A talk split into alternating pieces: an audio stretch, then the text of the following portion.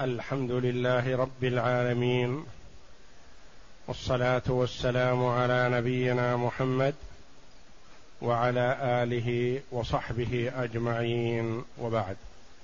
بسم الله الرحمن الرحيم. قال المؤلف رحمه الله تعالى فصل ولا تصير المرأة معتادة حتى تعلم حيضها وطهرها وشهرها. ويتكرر. وشهرها هو المدة التي يجتمع لها فيه حيض وطهر وأقل ذلك أربعة عشر يوما يوما للحيض وثلاثة عشر, وثلاثة عشر للطهر وغالبه الشهر المعروف لحديث حمنه ولأنه غالب عادات النساء وأكثره لا حد له.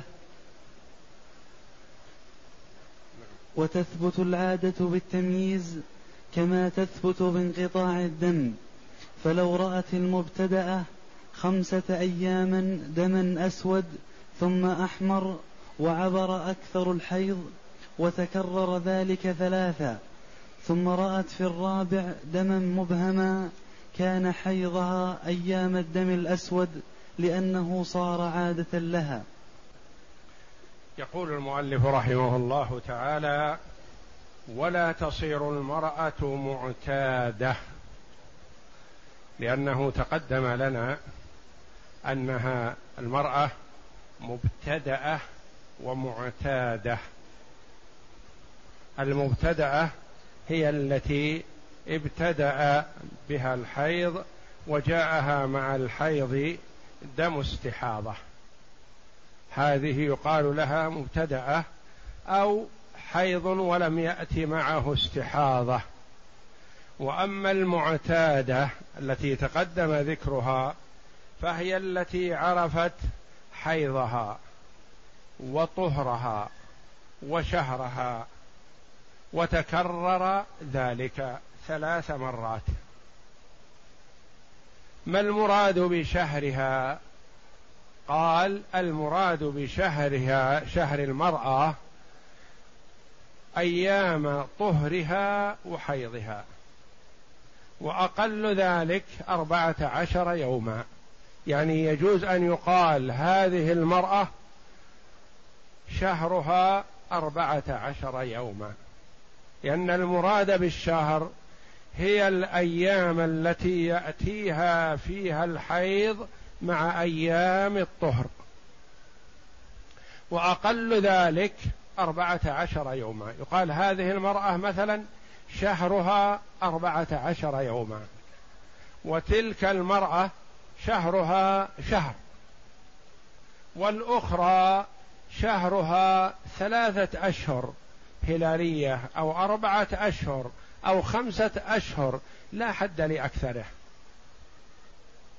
فأقله محدود وغالبه مدة الشهر ولا حد لأكثره لأن من النساء من لا تحيض في السنة إلا مرة واحدة.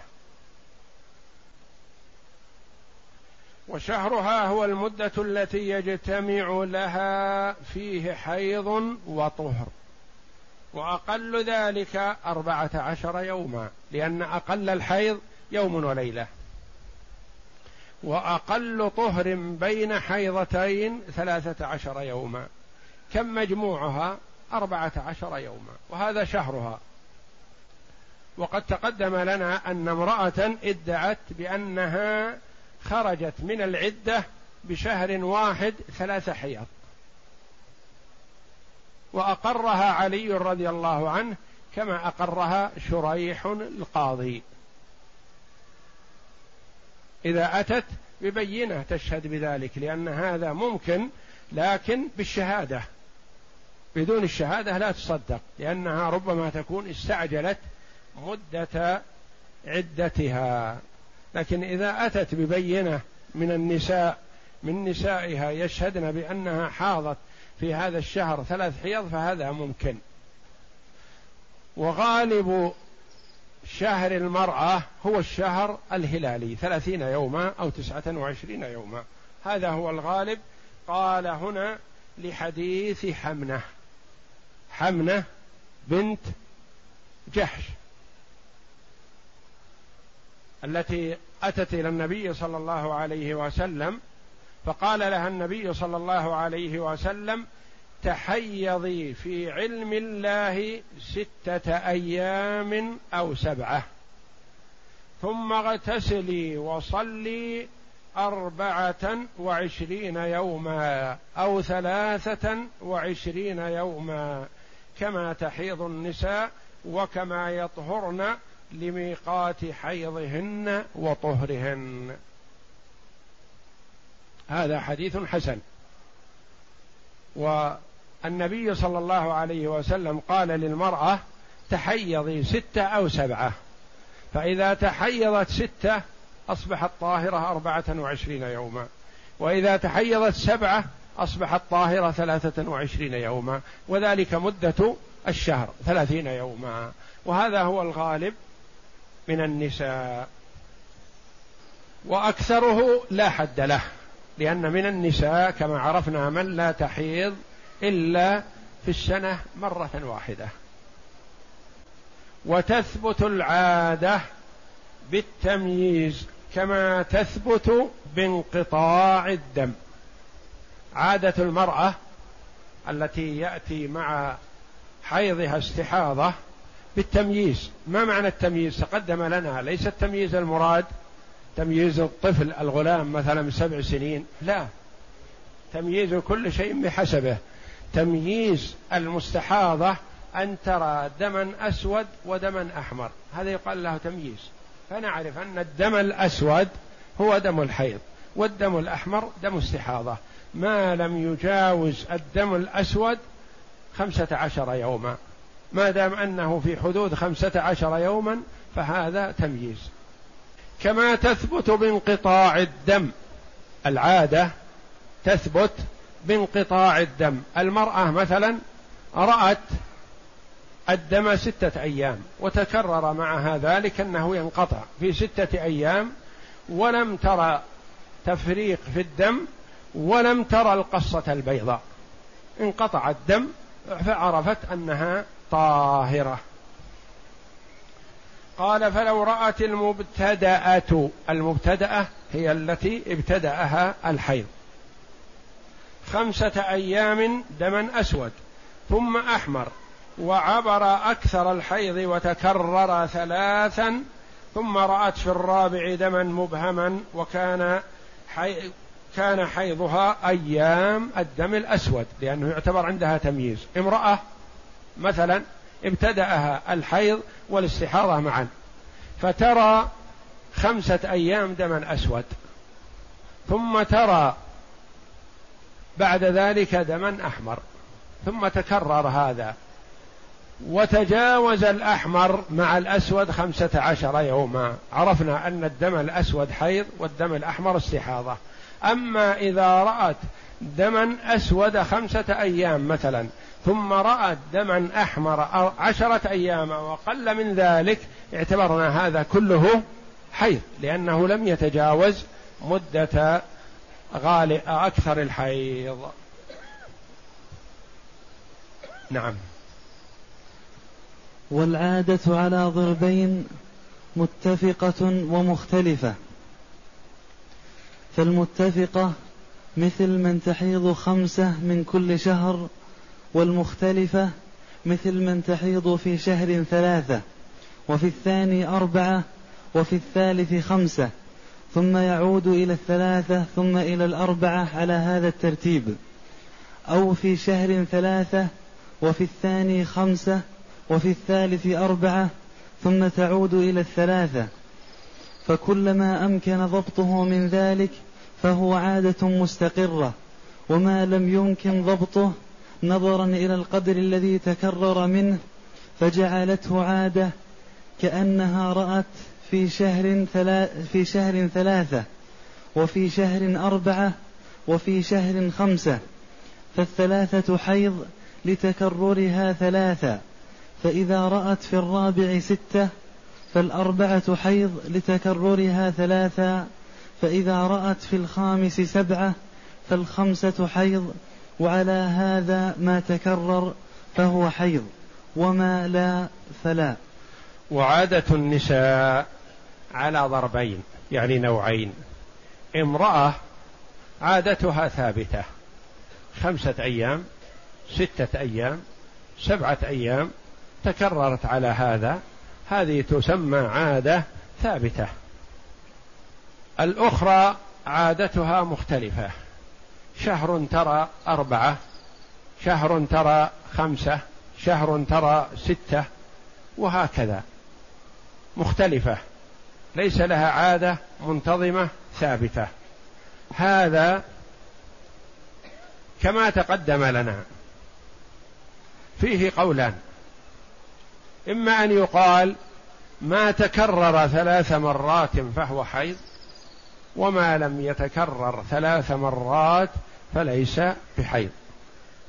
والقول الآخر وهو الذي اخترناه بأنه كله حيض ما دام أنه لم يخرج عن أكثر الحيض لم يتجاوزه. وترى دم وصالح لأن يكون حيضا فلا حاجة لأن نقول لها اغتسلي في أثناء دمك وصلي ثم اغتسلي في نهايته وصلي. هذا فيه مشقة وكلفة وغير مناسب بأن تصلي والدم يخرج منها وفيه احتمال كبير بأنه حيض على القول الذي درج عليه المؤلف هذا الآن أن ما تكرر ثلاث مرات فهو حيض كما مثل قال إذا رأت في الشهر الأول ثلاثة أيام ثم رأت في الشهر الثاني أربعة أيام. ثم رأت في الشهر الثالث خمسة أيام. في الشهر الرابع كم تجلس؟ ثلاثة أيام لأنها هي المتكررة ثلاث مرات. فإذا رأت في الشهر الخامس أربعة أيام مثلا أو خمسة أيام أو ستة أيام جلست في الشهر زادت يوما أربعة أيام لأن اليوم تكرر ثلاث مرات. فإن زاد الخامس كذلك وتكرر الخامس ثلاث مرات جلست خمسة أيام. قال وهكذا. يعني كلما تكرر ثلاث مرات اعتبرته حيضا. وما لم يتكرر ثلاث مرات فلا تعتبره حيضا. والقول السابق الذي هو لعله المختار إن شاء الله أنها تجلس ما دامت ترى حيضا ولم يجاوز أكثره. باب في التلفيق. إذا رأت يوما دما ويوما طهرا فإنها تغتسل وتصلي في زمن الطهر. لقول ابن عباس لا يحل لها إذا رأت الطهر ساعة ال إلا أن, إلا أن تغتسل. ثم, ثم إن انقطع الدم لخمسة عشر فما دون فجميعه حيض. تغتسل عقب كل يوم وتصلي في الطهر. وإن عبر الخمسة الخمسة عشر فهي مستحاضة ترد إلى عادتها. فإن كانت عادتها سبعة متوالية جلست وما فوقها من الدم فيكون ما وافقها. جلست ما وافقها من الدم فيكون حيضها منه ثلاثة أيام أو أربعة وإن كانت ناسية فأجلسناها سبعة فكذلك. وإن أجلسناها أقل الحيض جلست يوما وليلة لا غير وإن كانت مميزة ترى يوما دما أسود ثم ترى نقاء ثم ترى أسود إلى عشرة أيام ثم ترى دما أحمر وعبر ردت إلى التمييز. عبر يعني عبر أكثر الحيض الذي هو خمسة عشر يوما. نعم. فيكون حيضها زمن الدم الأسود دون غيره ولا فرق بين أن ترى الدم زمنا يمكن أن يكون حيضا كيوم وليلة أو دون ذلك كنصف يوم ونصف ليلة.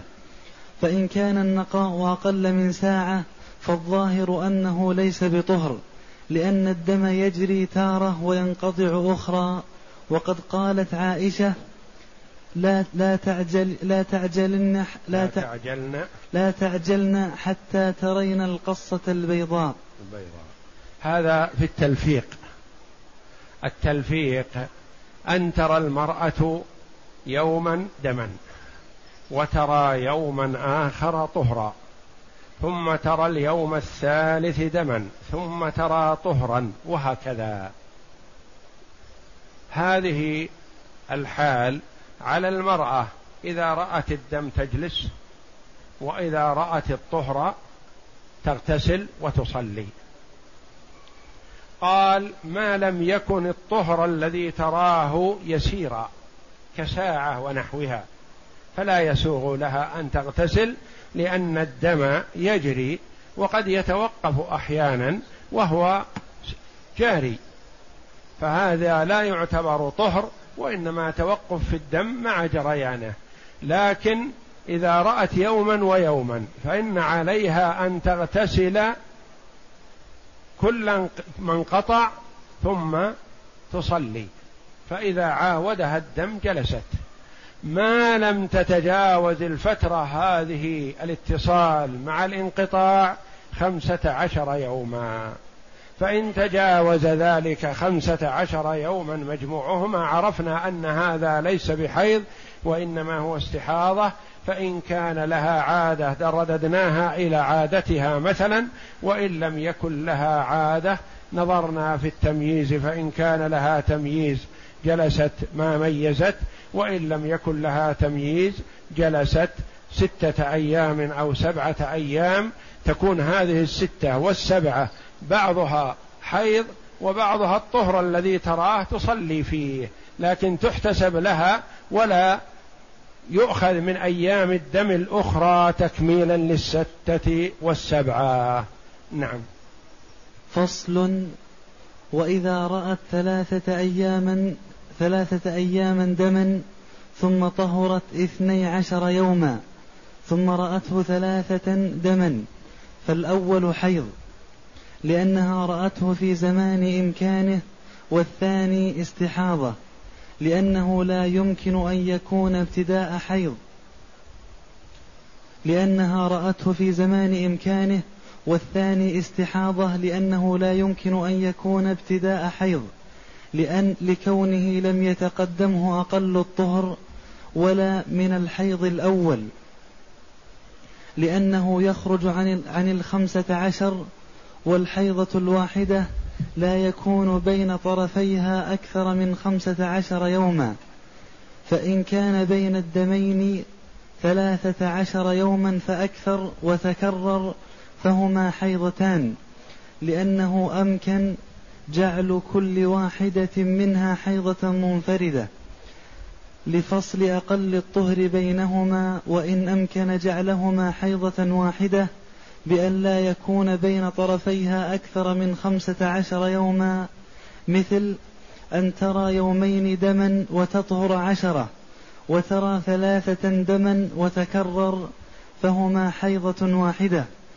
لأنه لم يخرج زمنها عن مدة أكثر الحيض وعلى هذا يعتبر ما ما ألقى من المس... ما ألقي من المسائل في التلفيق. وعلى هذا يعتبر ما ألقي من المسائل في التفليق في نعم. التلفيق. هذه في مسألة التلفيق.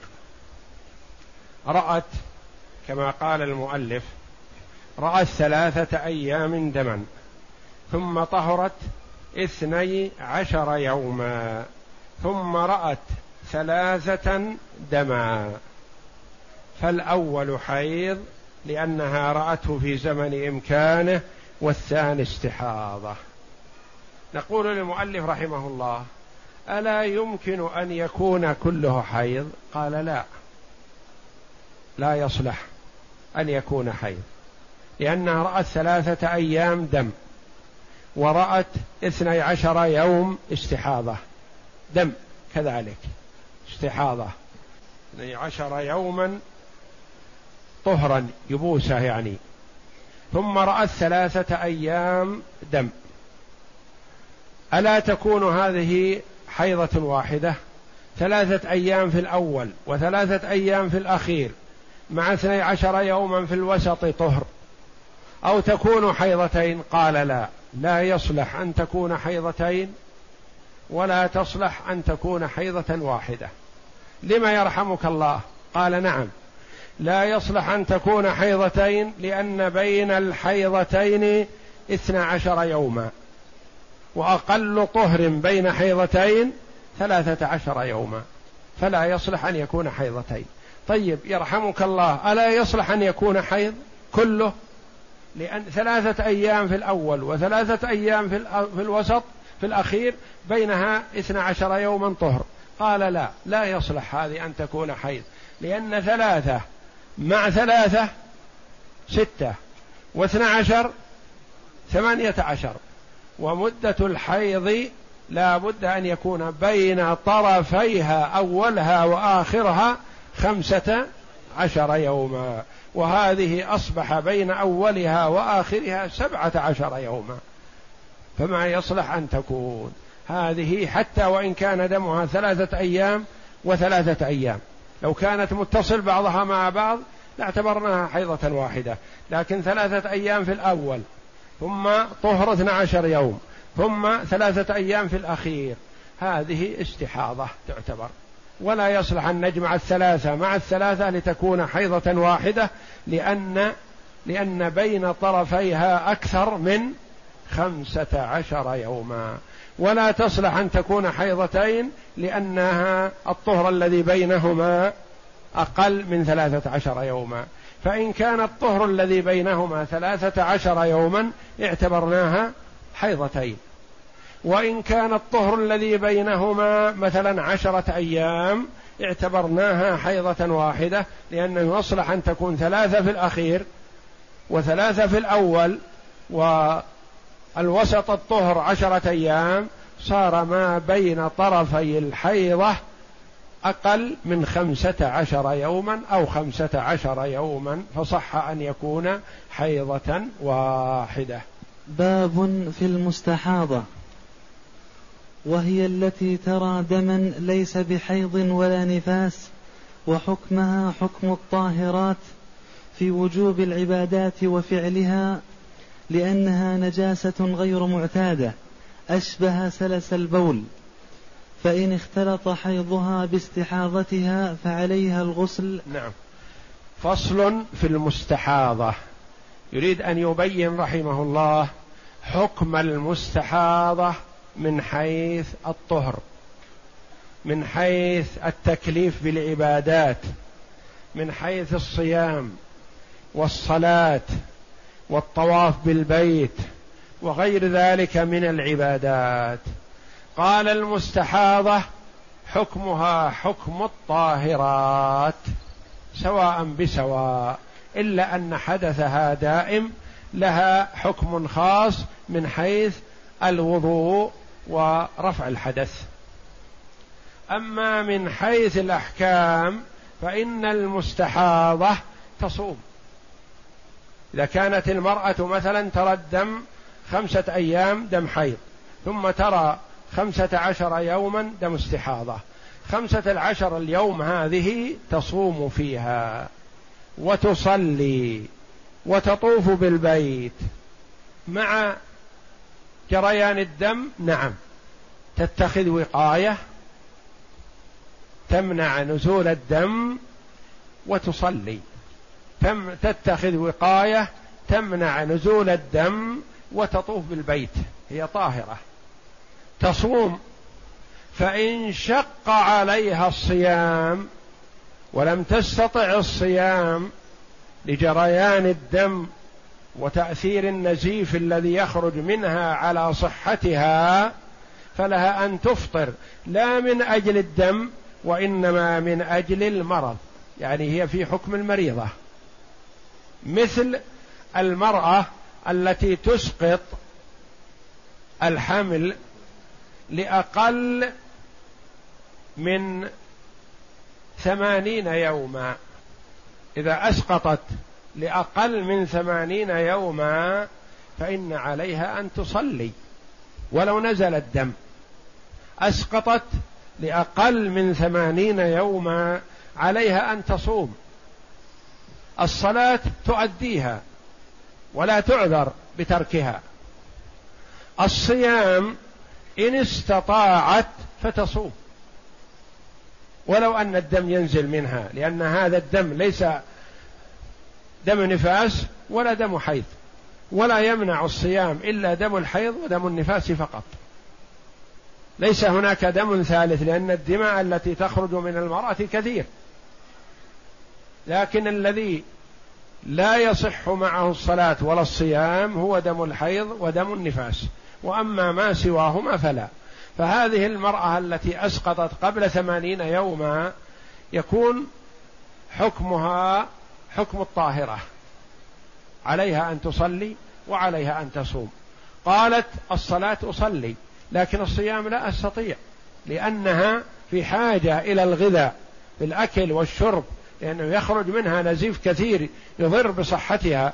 نقول لا حرج عليك أفطري لا من أجل الدم وإنما أفطري من أجل المرض. أنت في حكم المريضة.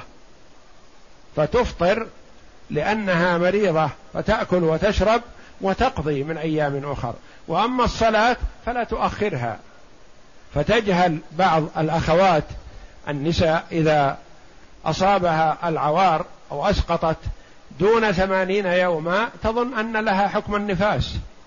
لا وليس كذلك.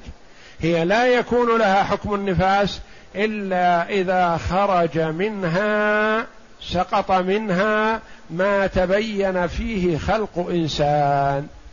رأت مضغة لحم له يد له رجل له رأس وهكذا.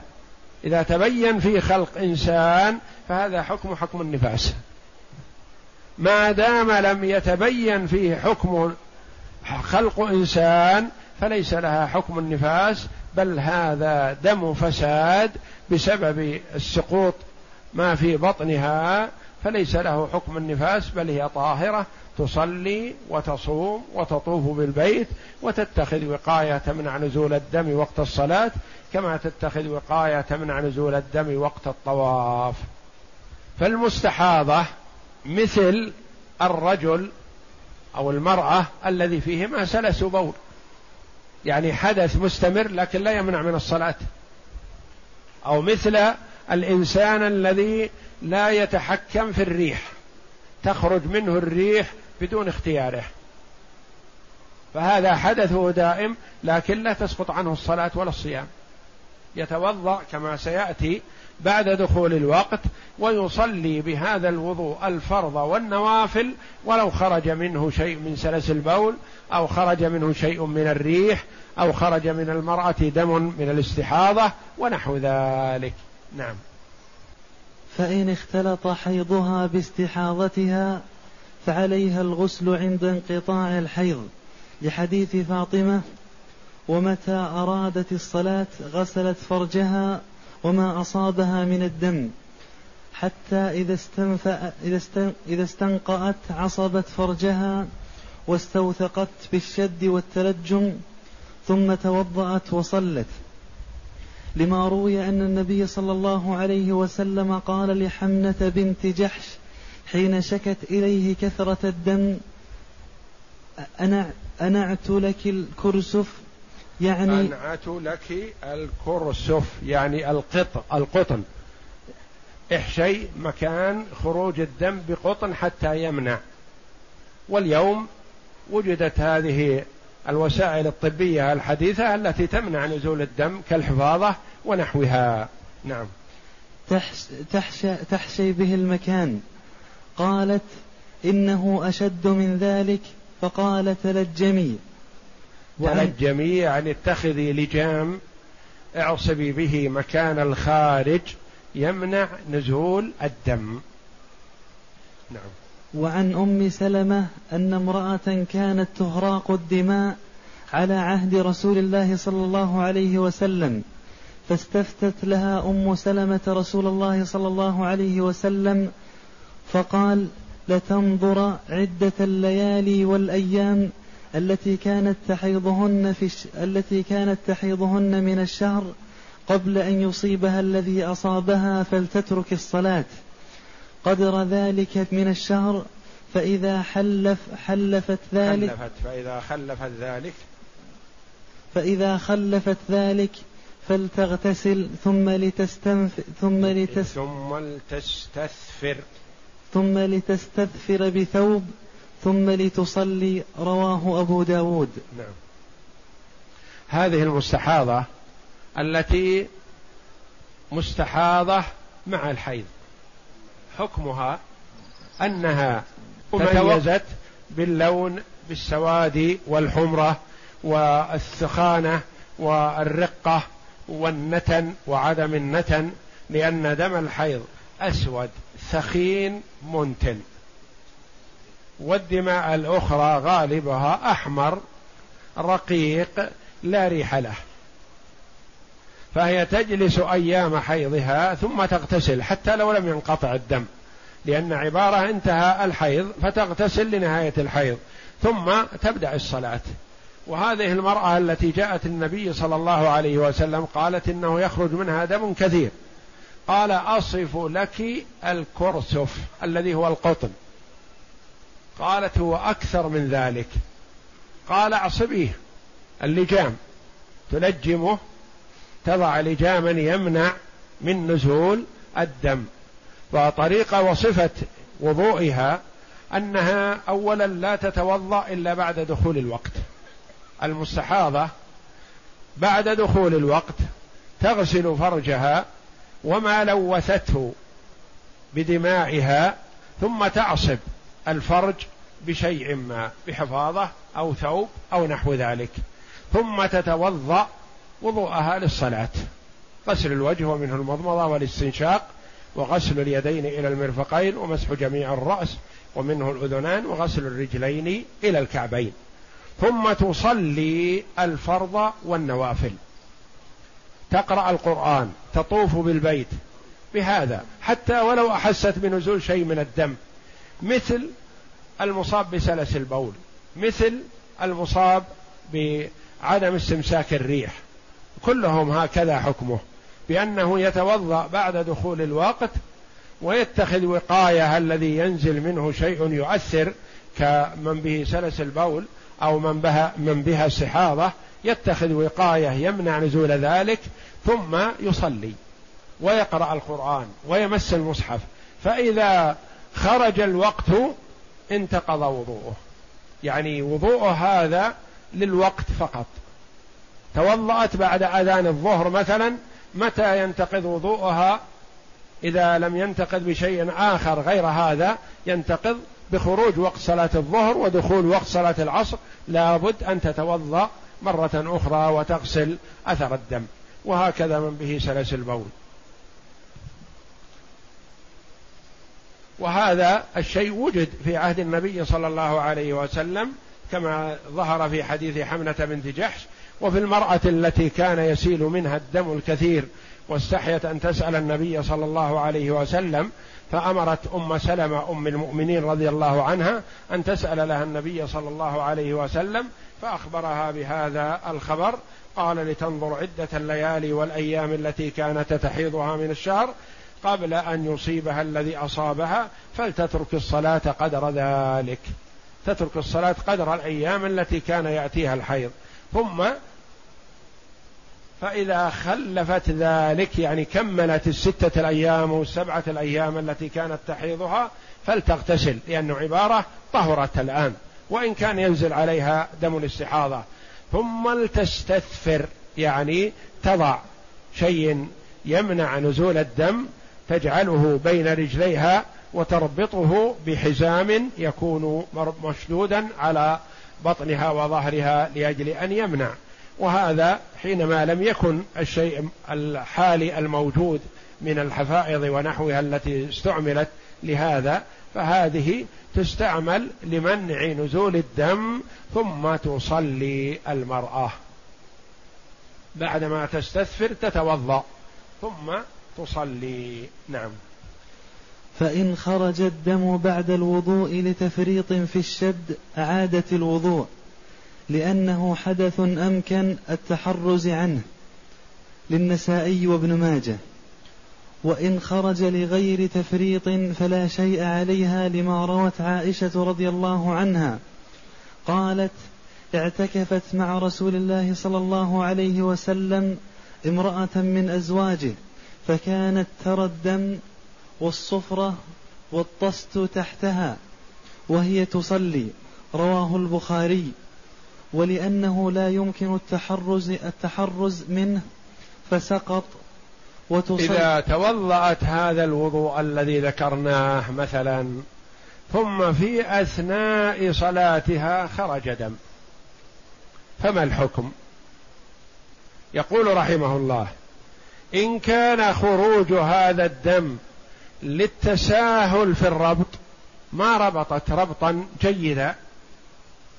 فهذا يعتبر ناقض للوضوء لأنه نتيجة التساهل منها وعدم الربط الواجب.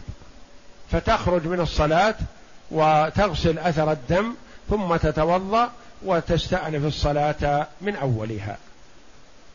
أما إن خرج الدم مع الإحكام في الربط لكن لكثرة الدم غلبها فخرج.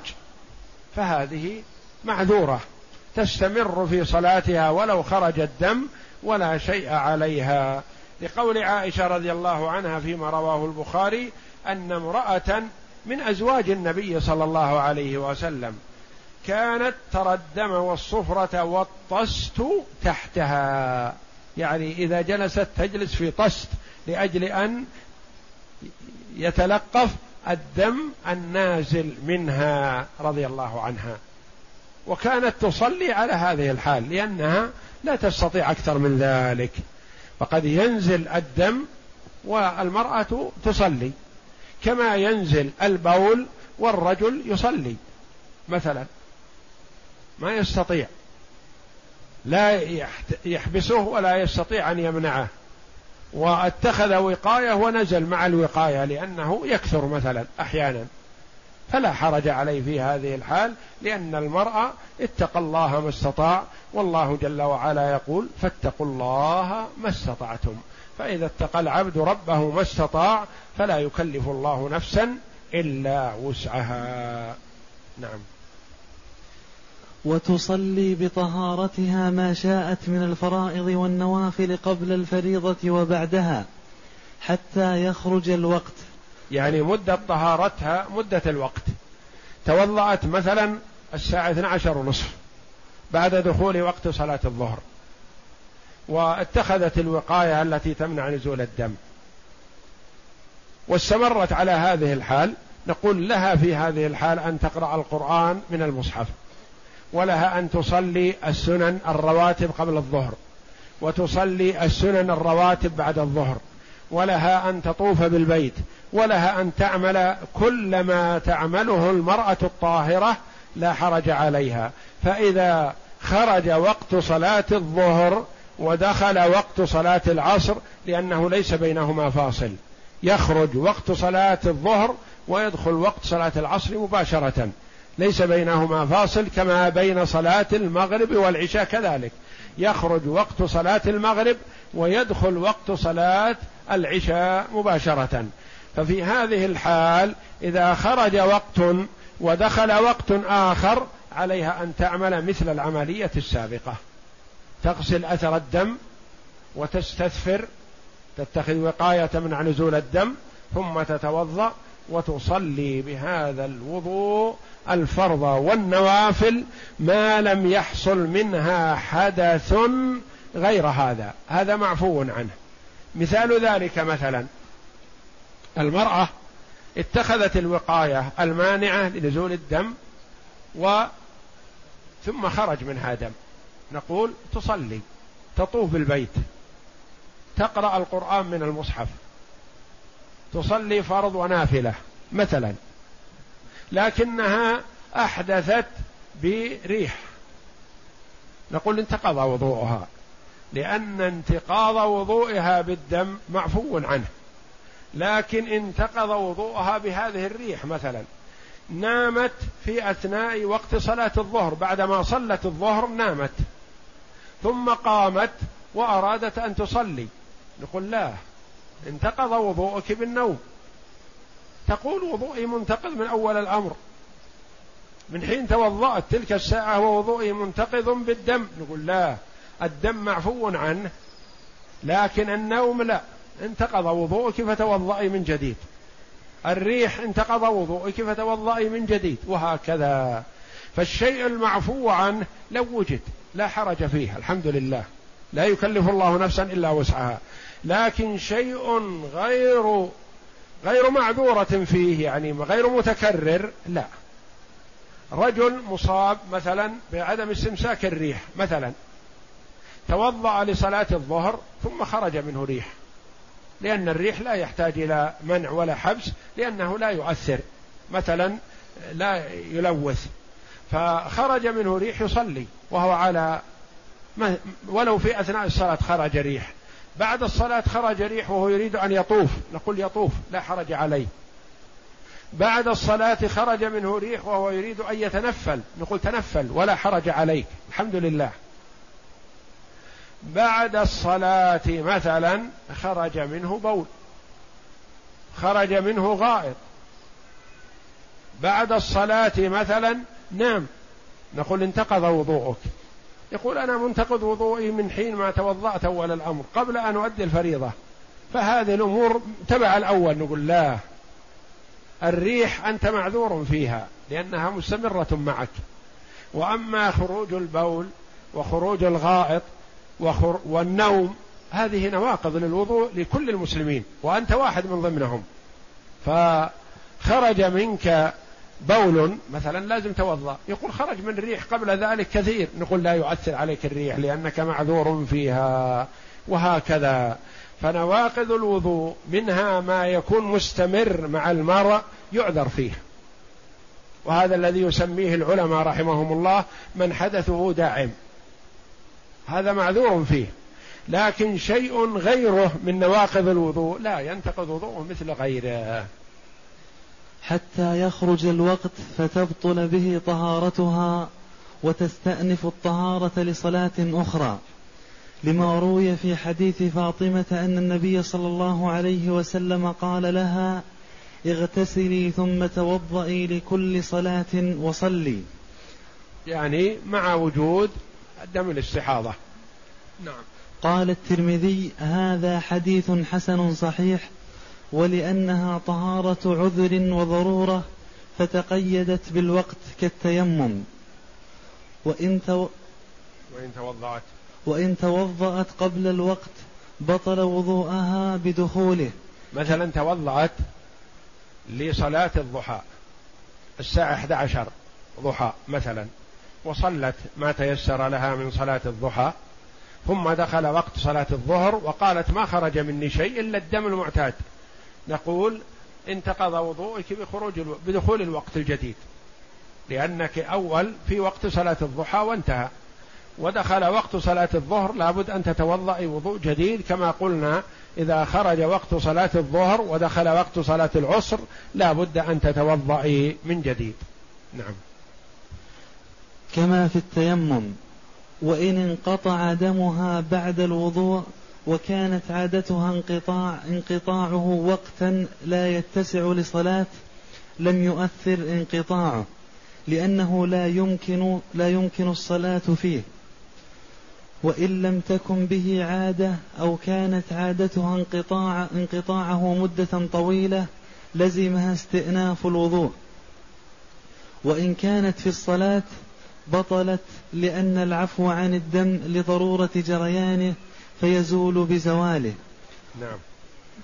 يقول وإن توضأت قبل الوقت بطل وضوءها بدخول الوقت كما عرفنا كما في التيمم. وإن قطع دمها بعد الوضوء وكانت عادتها انقطاعه.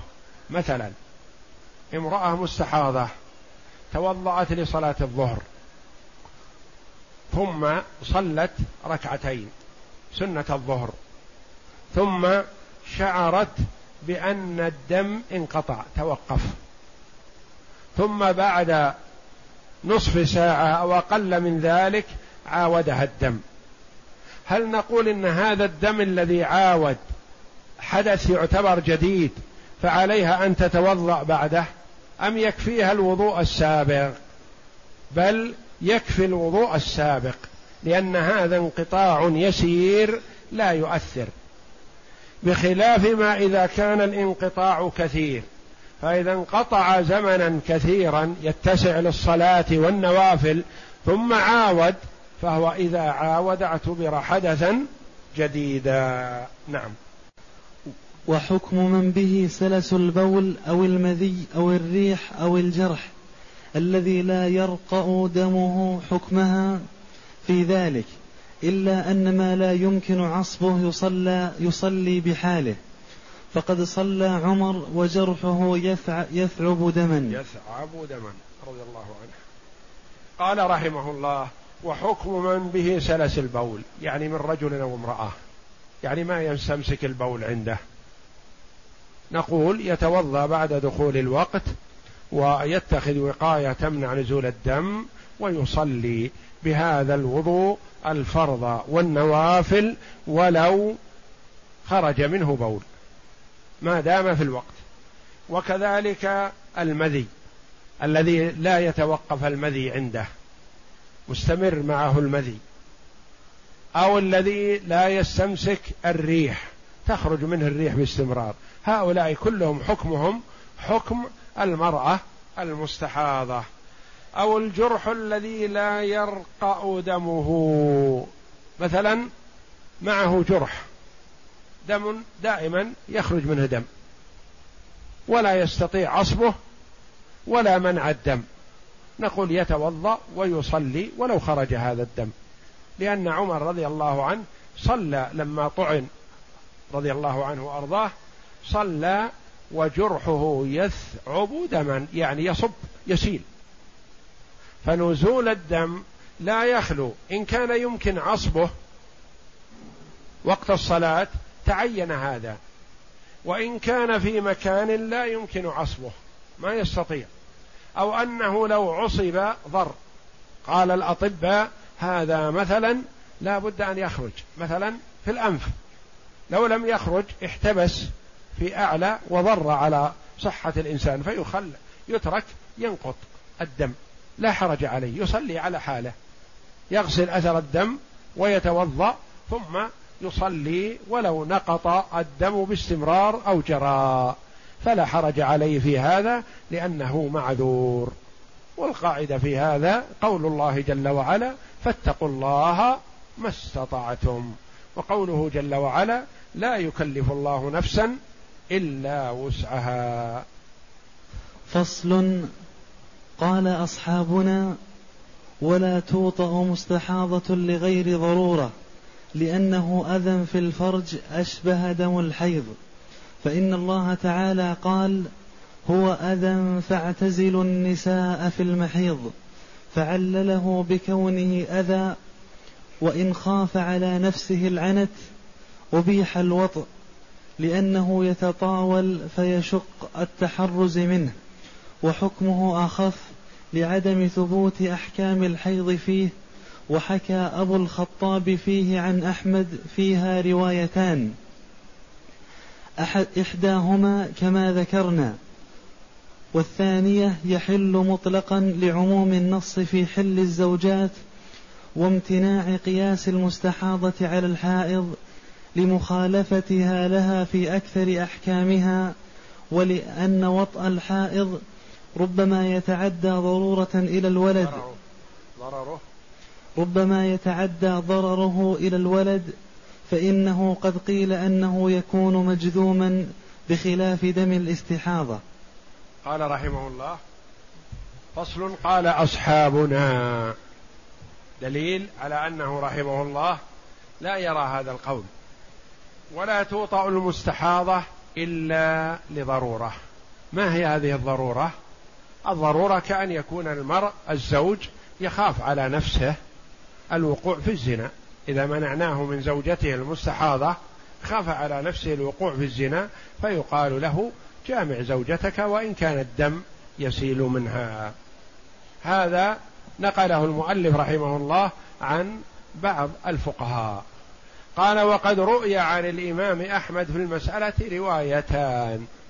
إحداهما كهذه التي السابقة بأنه لا يطأ زوجته إلا لضرورة. الثانية أنه يباح له ذلك مطلقا لأن الأصل إباحة الزوجة. فلا يمنع الرجل من جماع زوجته إلا في حال الحيض والنفاس. وليست الاستحاضة في حكم الحيض والنفاس لأن المستحاضة تؤمر بالصلاة وتؤمر بالصيام وتؤمر بسائر العبادات. وهذا الدم قالوا لا يؤثر على الحمل لو وجد حمل فقد تحمل المستحاضة مع وجود الدم ولا يؤثر بإذن الله. بخلاف جماع الحائض فإذا وجد حمل مع الحيض يقولون غالبا ما يخرج الولد مصاب بالجذام نسأل الله العافية. لأنه اختلطت النطفة بدم الحيض فأثر ذلك على الجنين. والذي يظهر والله أعلم أنه لا حرج في هذا في جماع المستحاضة ما دام دمها مستمر معها والأصل أن الزوجة حلال لزوجها لا يمنع منها إلا في حالة الحيض والنفاس وما سوى ذلك فهي حل له. نعم. فصل ويستحب لها الغسل لكل صلاة. لأن عائشة رضي الله عنها روت أن أم حبيبة استح استحيضت فسألت استحيضت فسألت النبي صلى الله عليه وسلم فأمرها أن تغتسل لكل صلاة متفق عليه. نعم يعني يستحب للمستحاضة أن تغتسل لكل صلاة لأن في هذا تخفيف النجاسة. واغتسال الجسم وغسل الجسم بالماء ربما يقلص الدم ويمنع جريانه بكثرة فهذا يستحب استحبابا ولا يجب. لأن أم لأن عائشة رضي الله عنها روت أن أم حبيبة بنت حبيش بنت جحش أم حبيبة بنت جحش وليست أم المؤمنين بنت أبي سفيان رضي الله عنها بل هذه أم حبيبة بنت جحش كانت تغتسل لكل صلاة. وهي قالوا إنها لم تؤمر بهذا وإنما استحسنت ذلك لما فيه من تخفيف النجاسة ولعلها تقلص جريان الدم منها. استحبابا لا وجوبا. وإن جمعت بين الصلاتين بغسل واحد فهو حسن لما روي أن النبي صلى الله عليه وسلم قال لحمنة فإن قويت أن تؤخر الظهر وتعجل العصر ثم تغتسلي حتى تطهرين وتصلين الظهر والعصر جميعا. ثم تؤخرين المغرب وتعجلين العشاء ثم تغتسلين وتجمعين بين الصلاتين وتغتسلين مع الصبح. وكذلك فافعلي إن قويت على ذلك وهو أعجب الأمرين إلى إلي, إلي. وهو حديث وهو, وهو حديث صحيح. نعم. النبي صلى الله عليه وسلم ما أمرها أمر إلزام. قال لها إن قويت وإن رأيت تعجيل العصر وتأخير الظهر. ثم تغتسل لهما اغتسالا واحدا ثم تصلي الظهر في آخر وقتها ثم تصلي العصر في أول وقتها. فلها ذلك لتغتسل للفرضين اغتسالا واحدا. وكذلك المغرب والعشاء تؤخر المغرب وتؤجل العشاء وتعجل العشاء وتصليهما في هذا في آخر وقته وهذا في أول وقته وتغتسل لهما اغتسالا واحدا وتغتسل للفجر وحده إن قويت على ذلك. قال وهذا أعجب إلي هذا لعله والله أعلم من تمام الحديث. يعني أن النبي صلى الله عليه وسلم استحب لها ذلك. نعم. وإن توضأت لوقت كل صلاة أجزأها لما ذكرنا سابقا. وإن توضأت لوقت كل صلاة أجزأها. فإن اغتسلت فذلك أفضل وإن اكتفت بالوضوء فيجزئها ذلك والله أعلم. وصلى الله على نبينا محمد وعلى آله وصحبه أجمعين.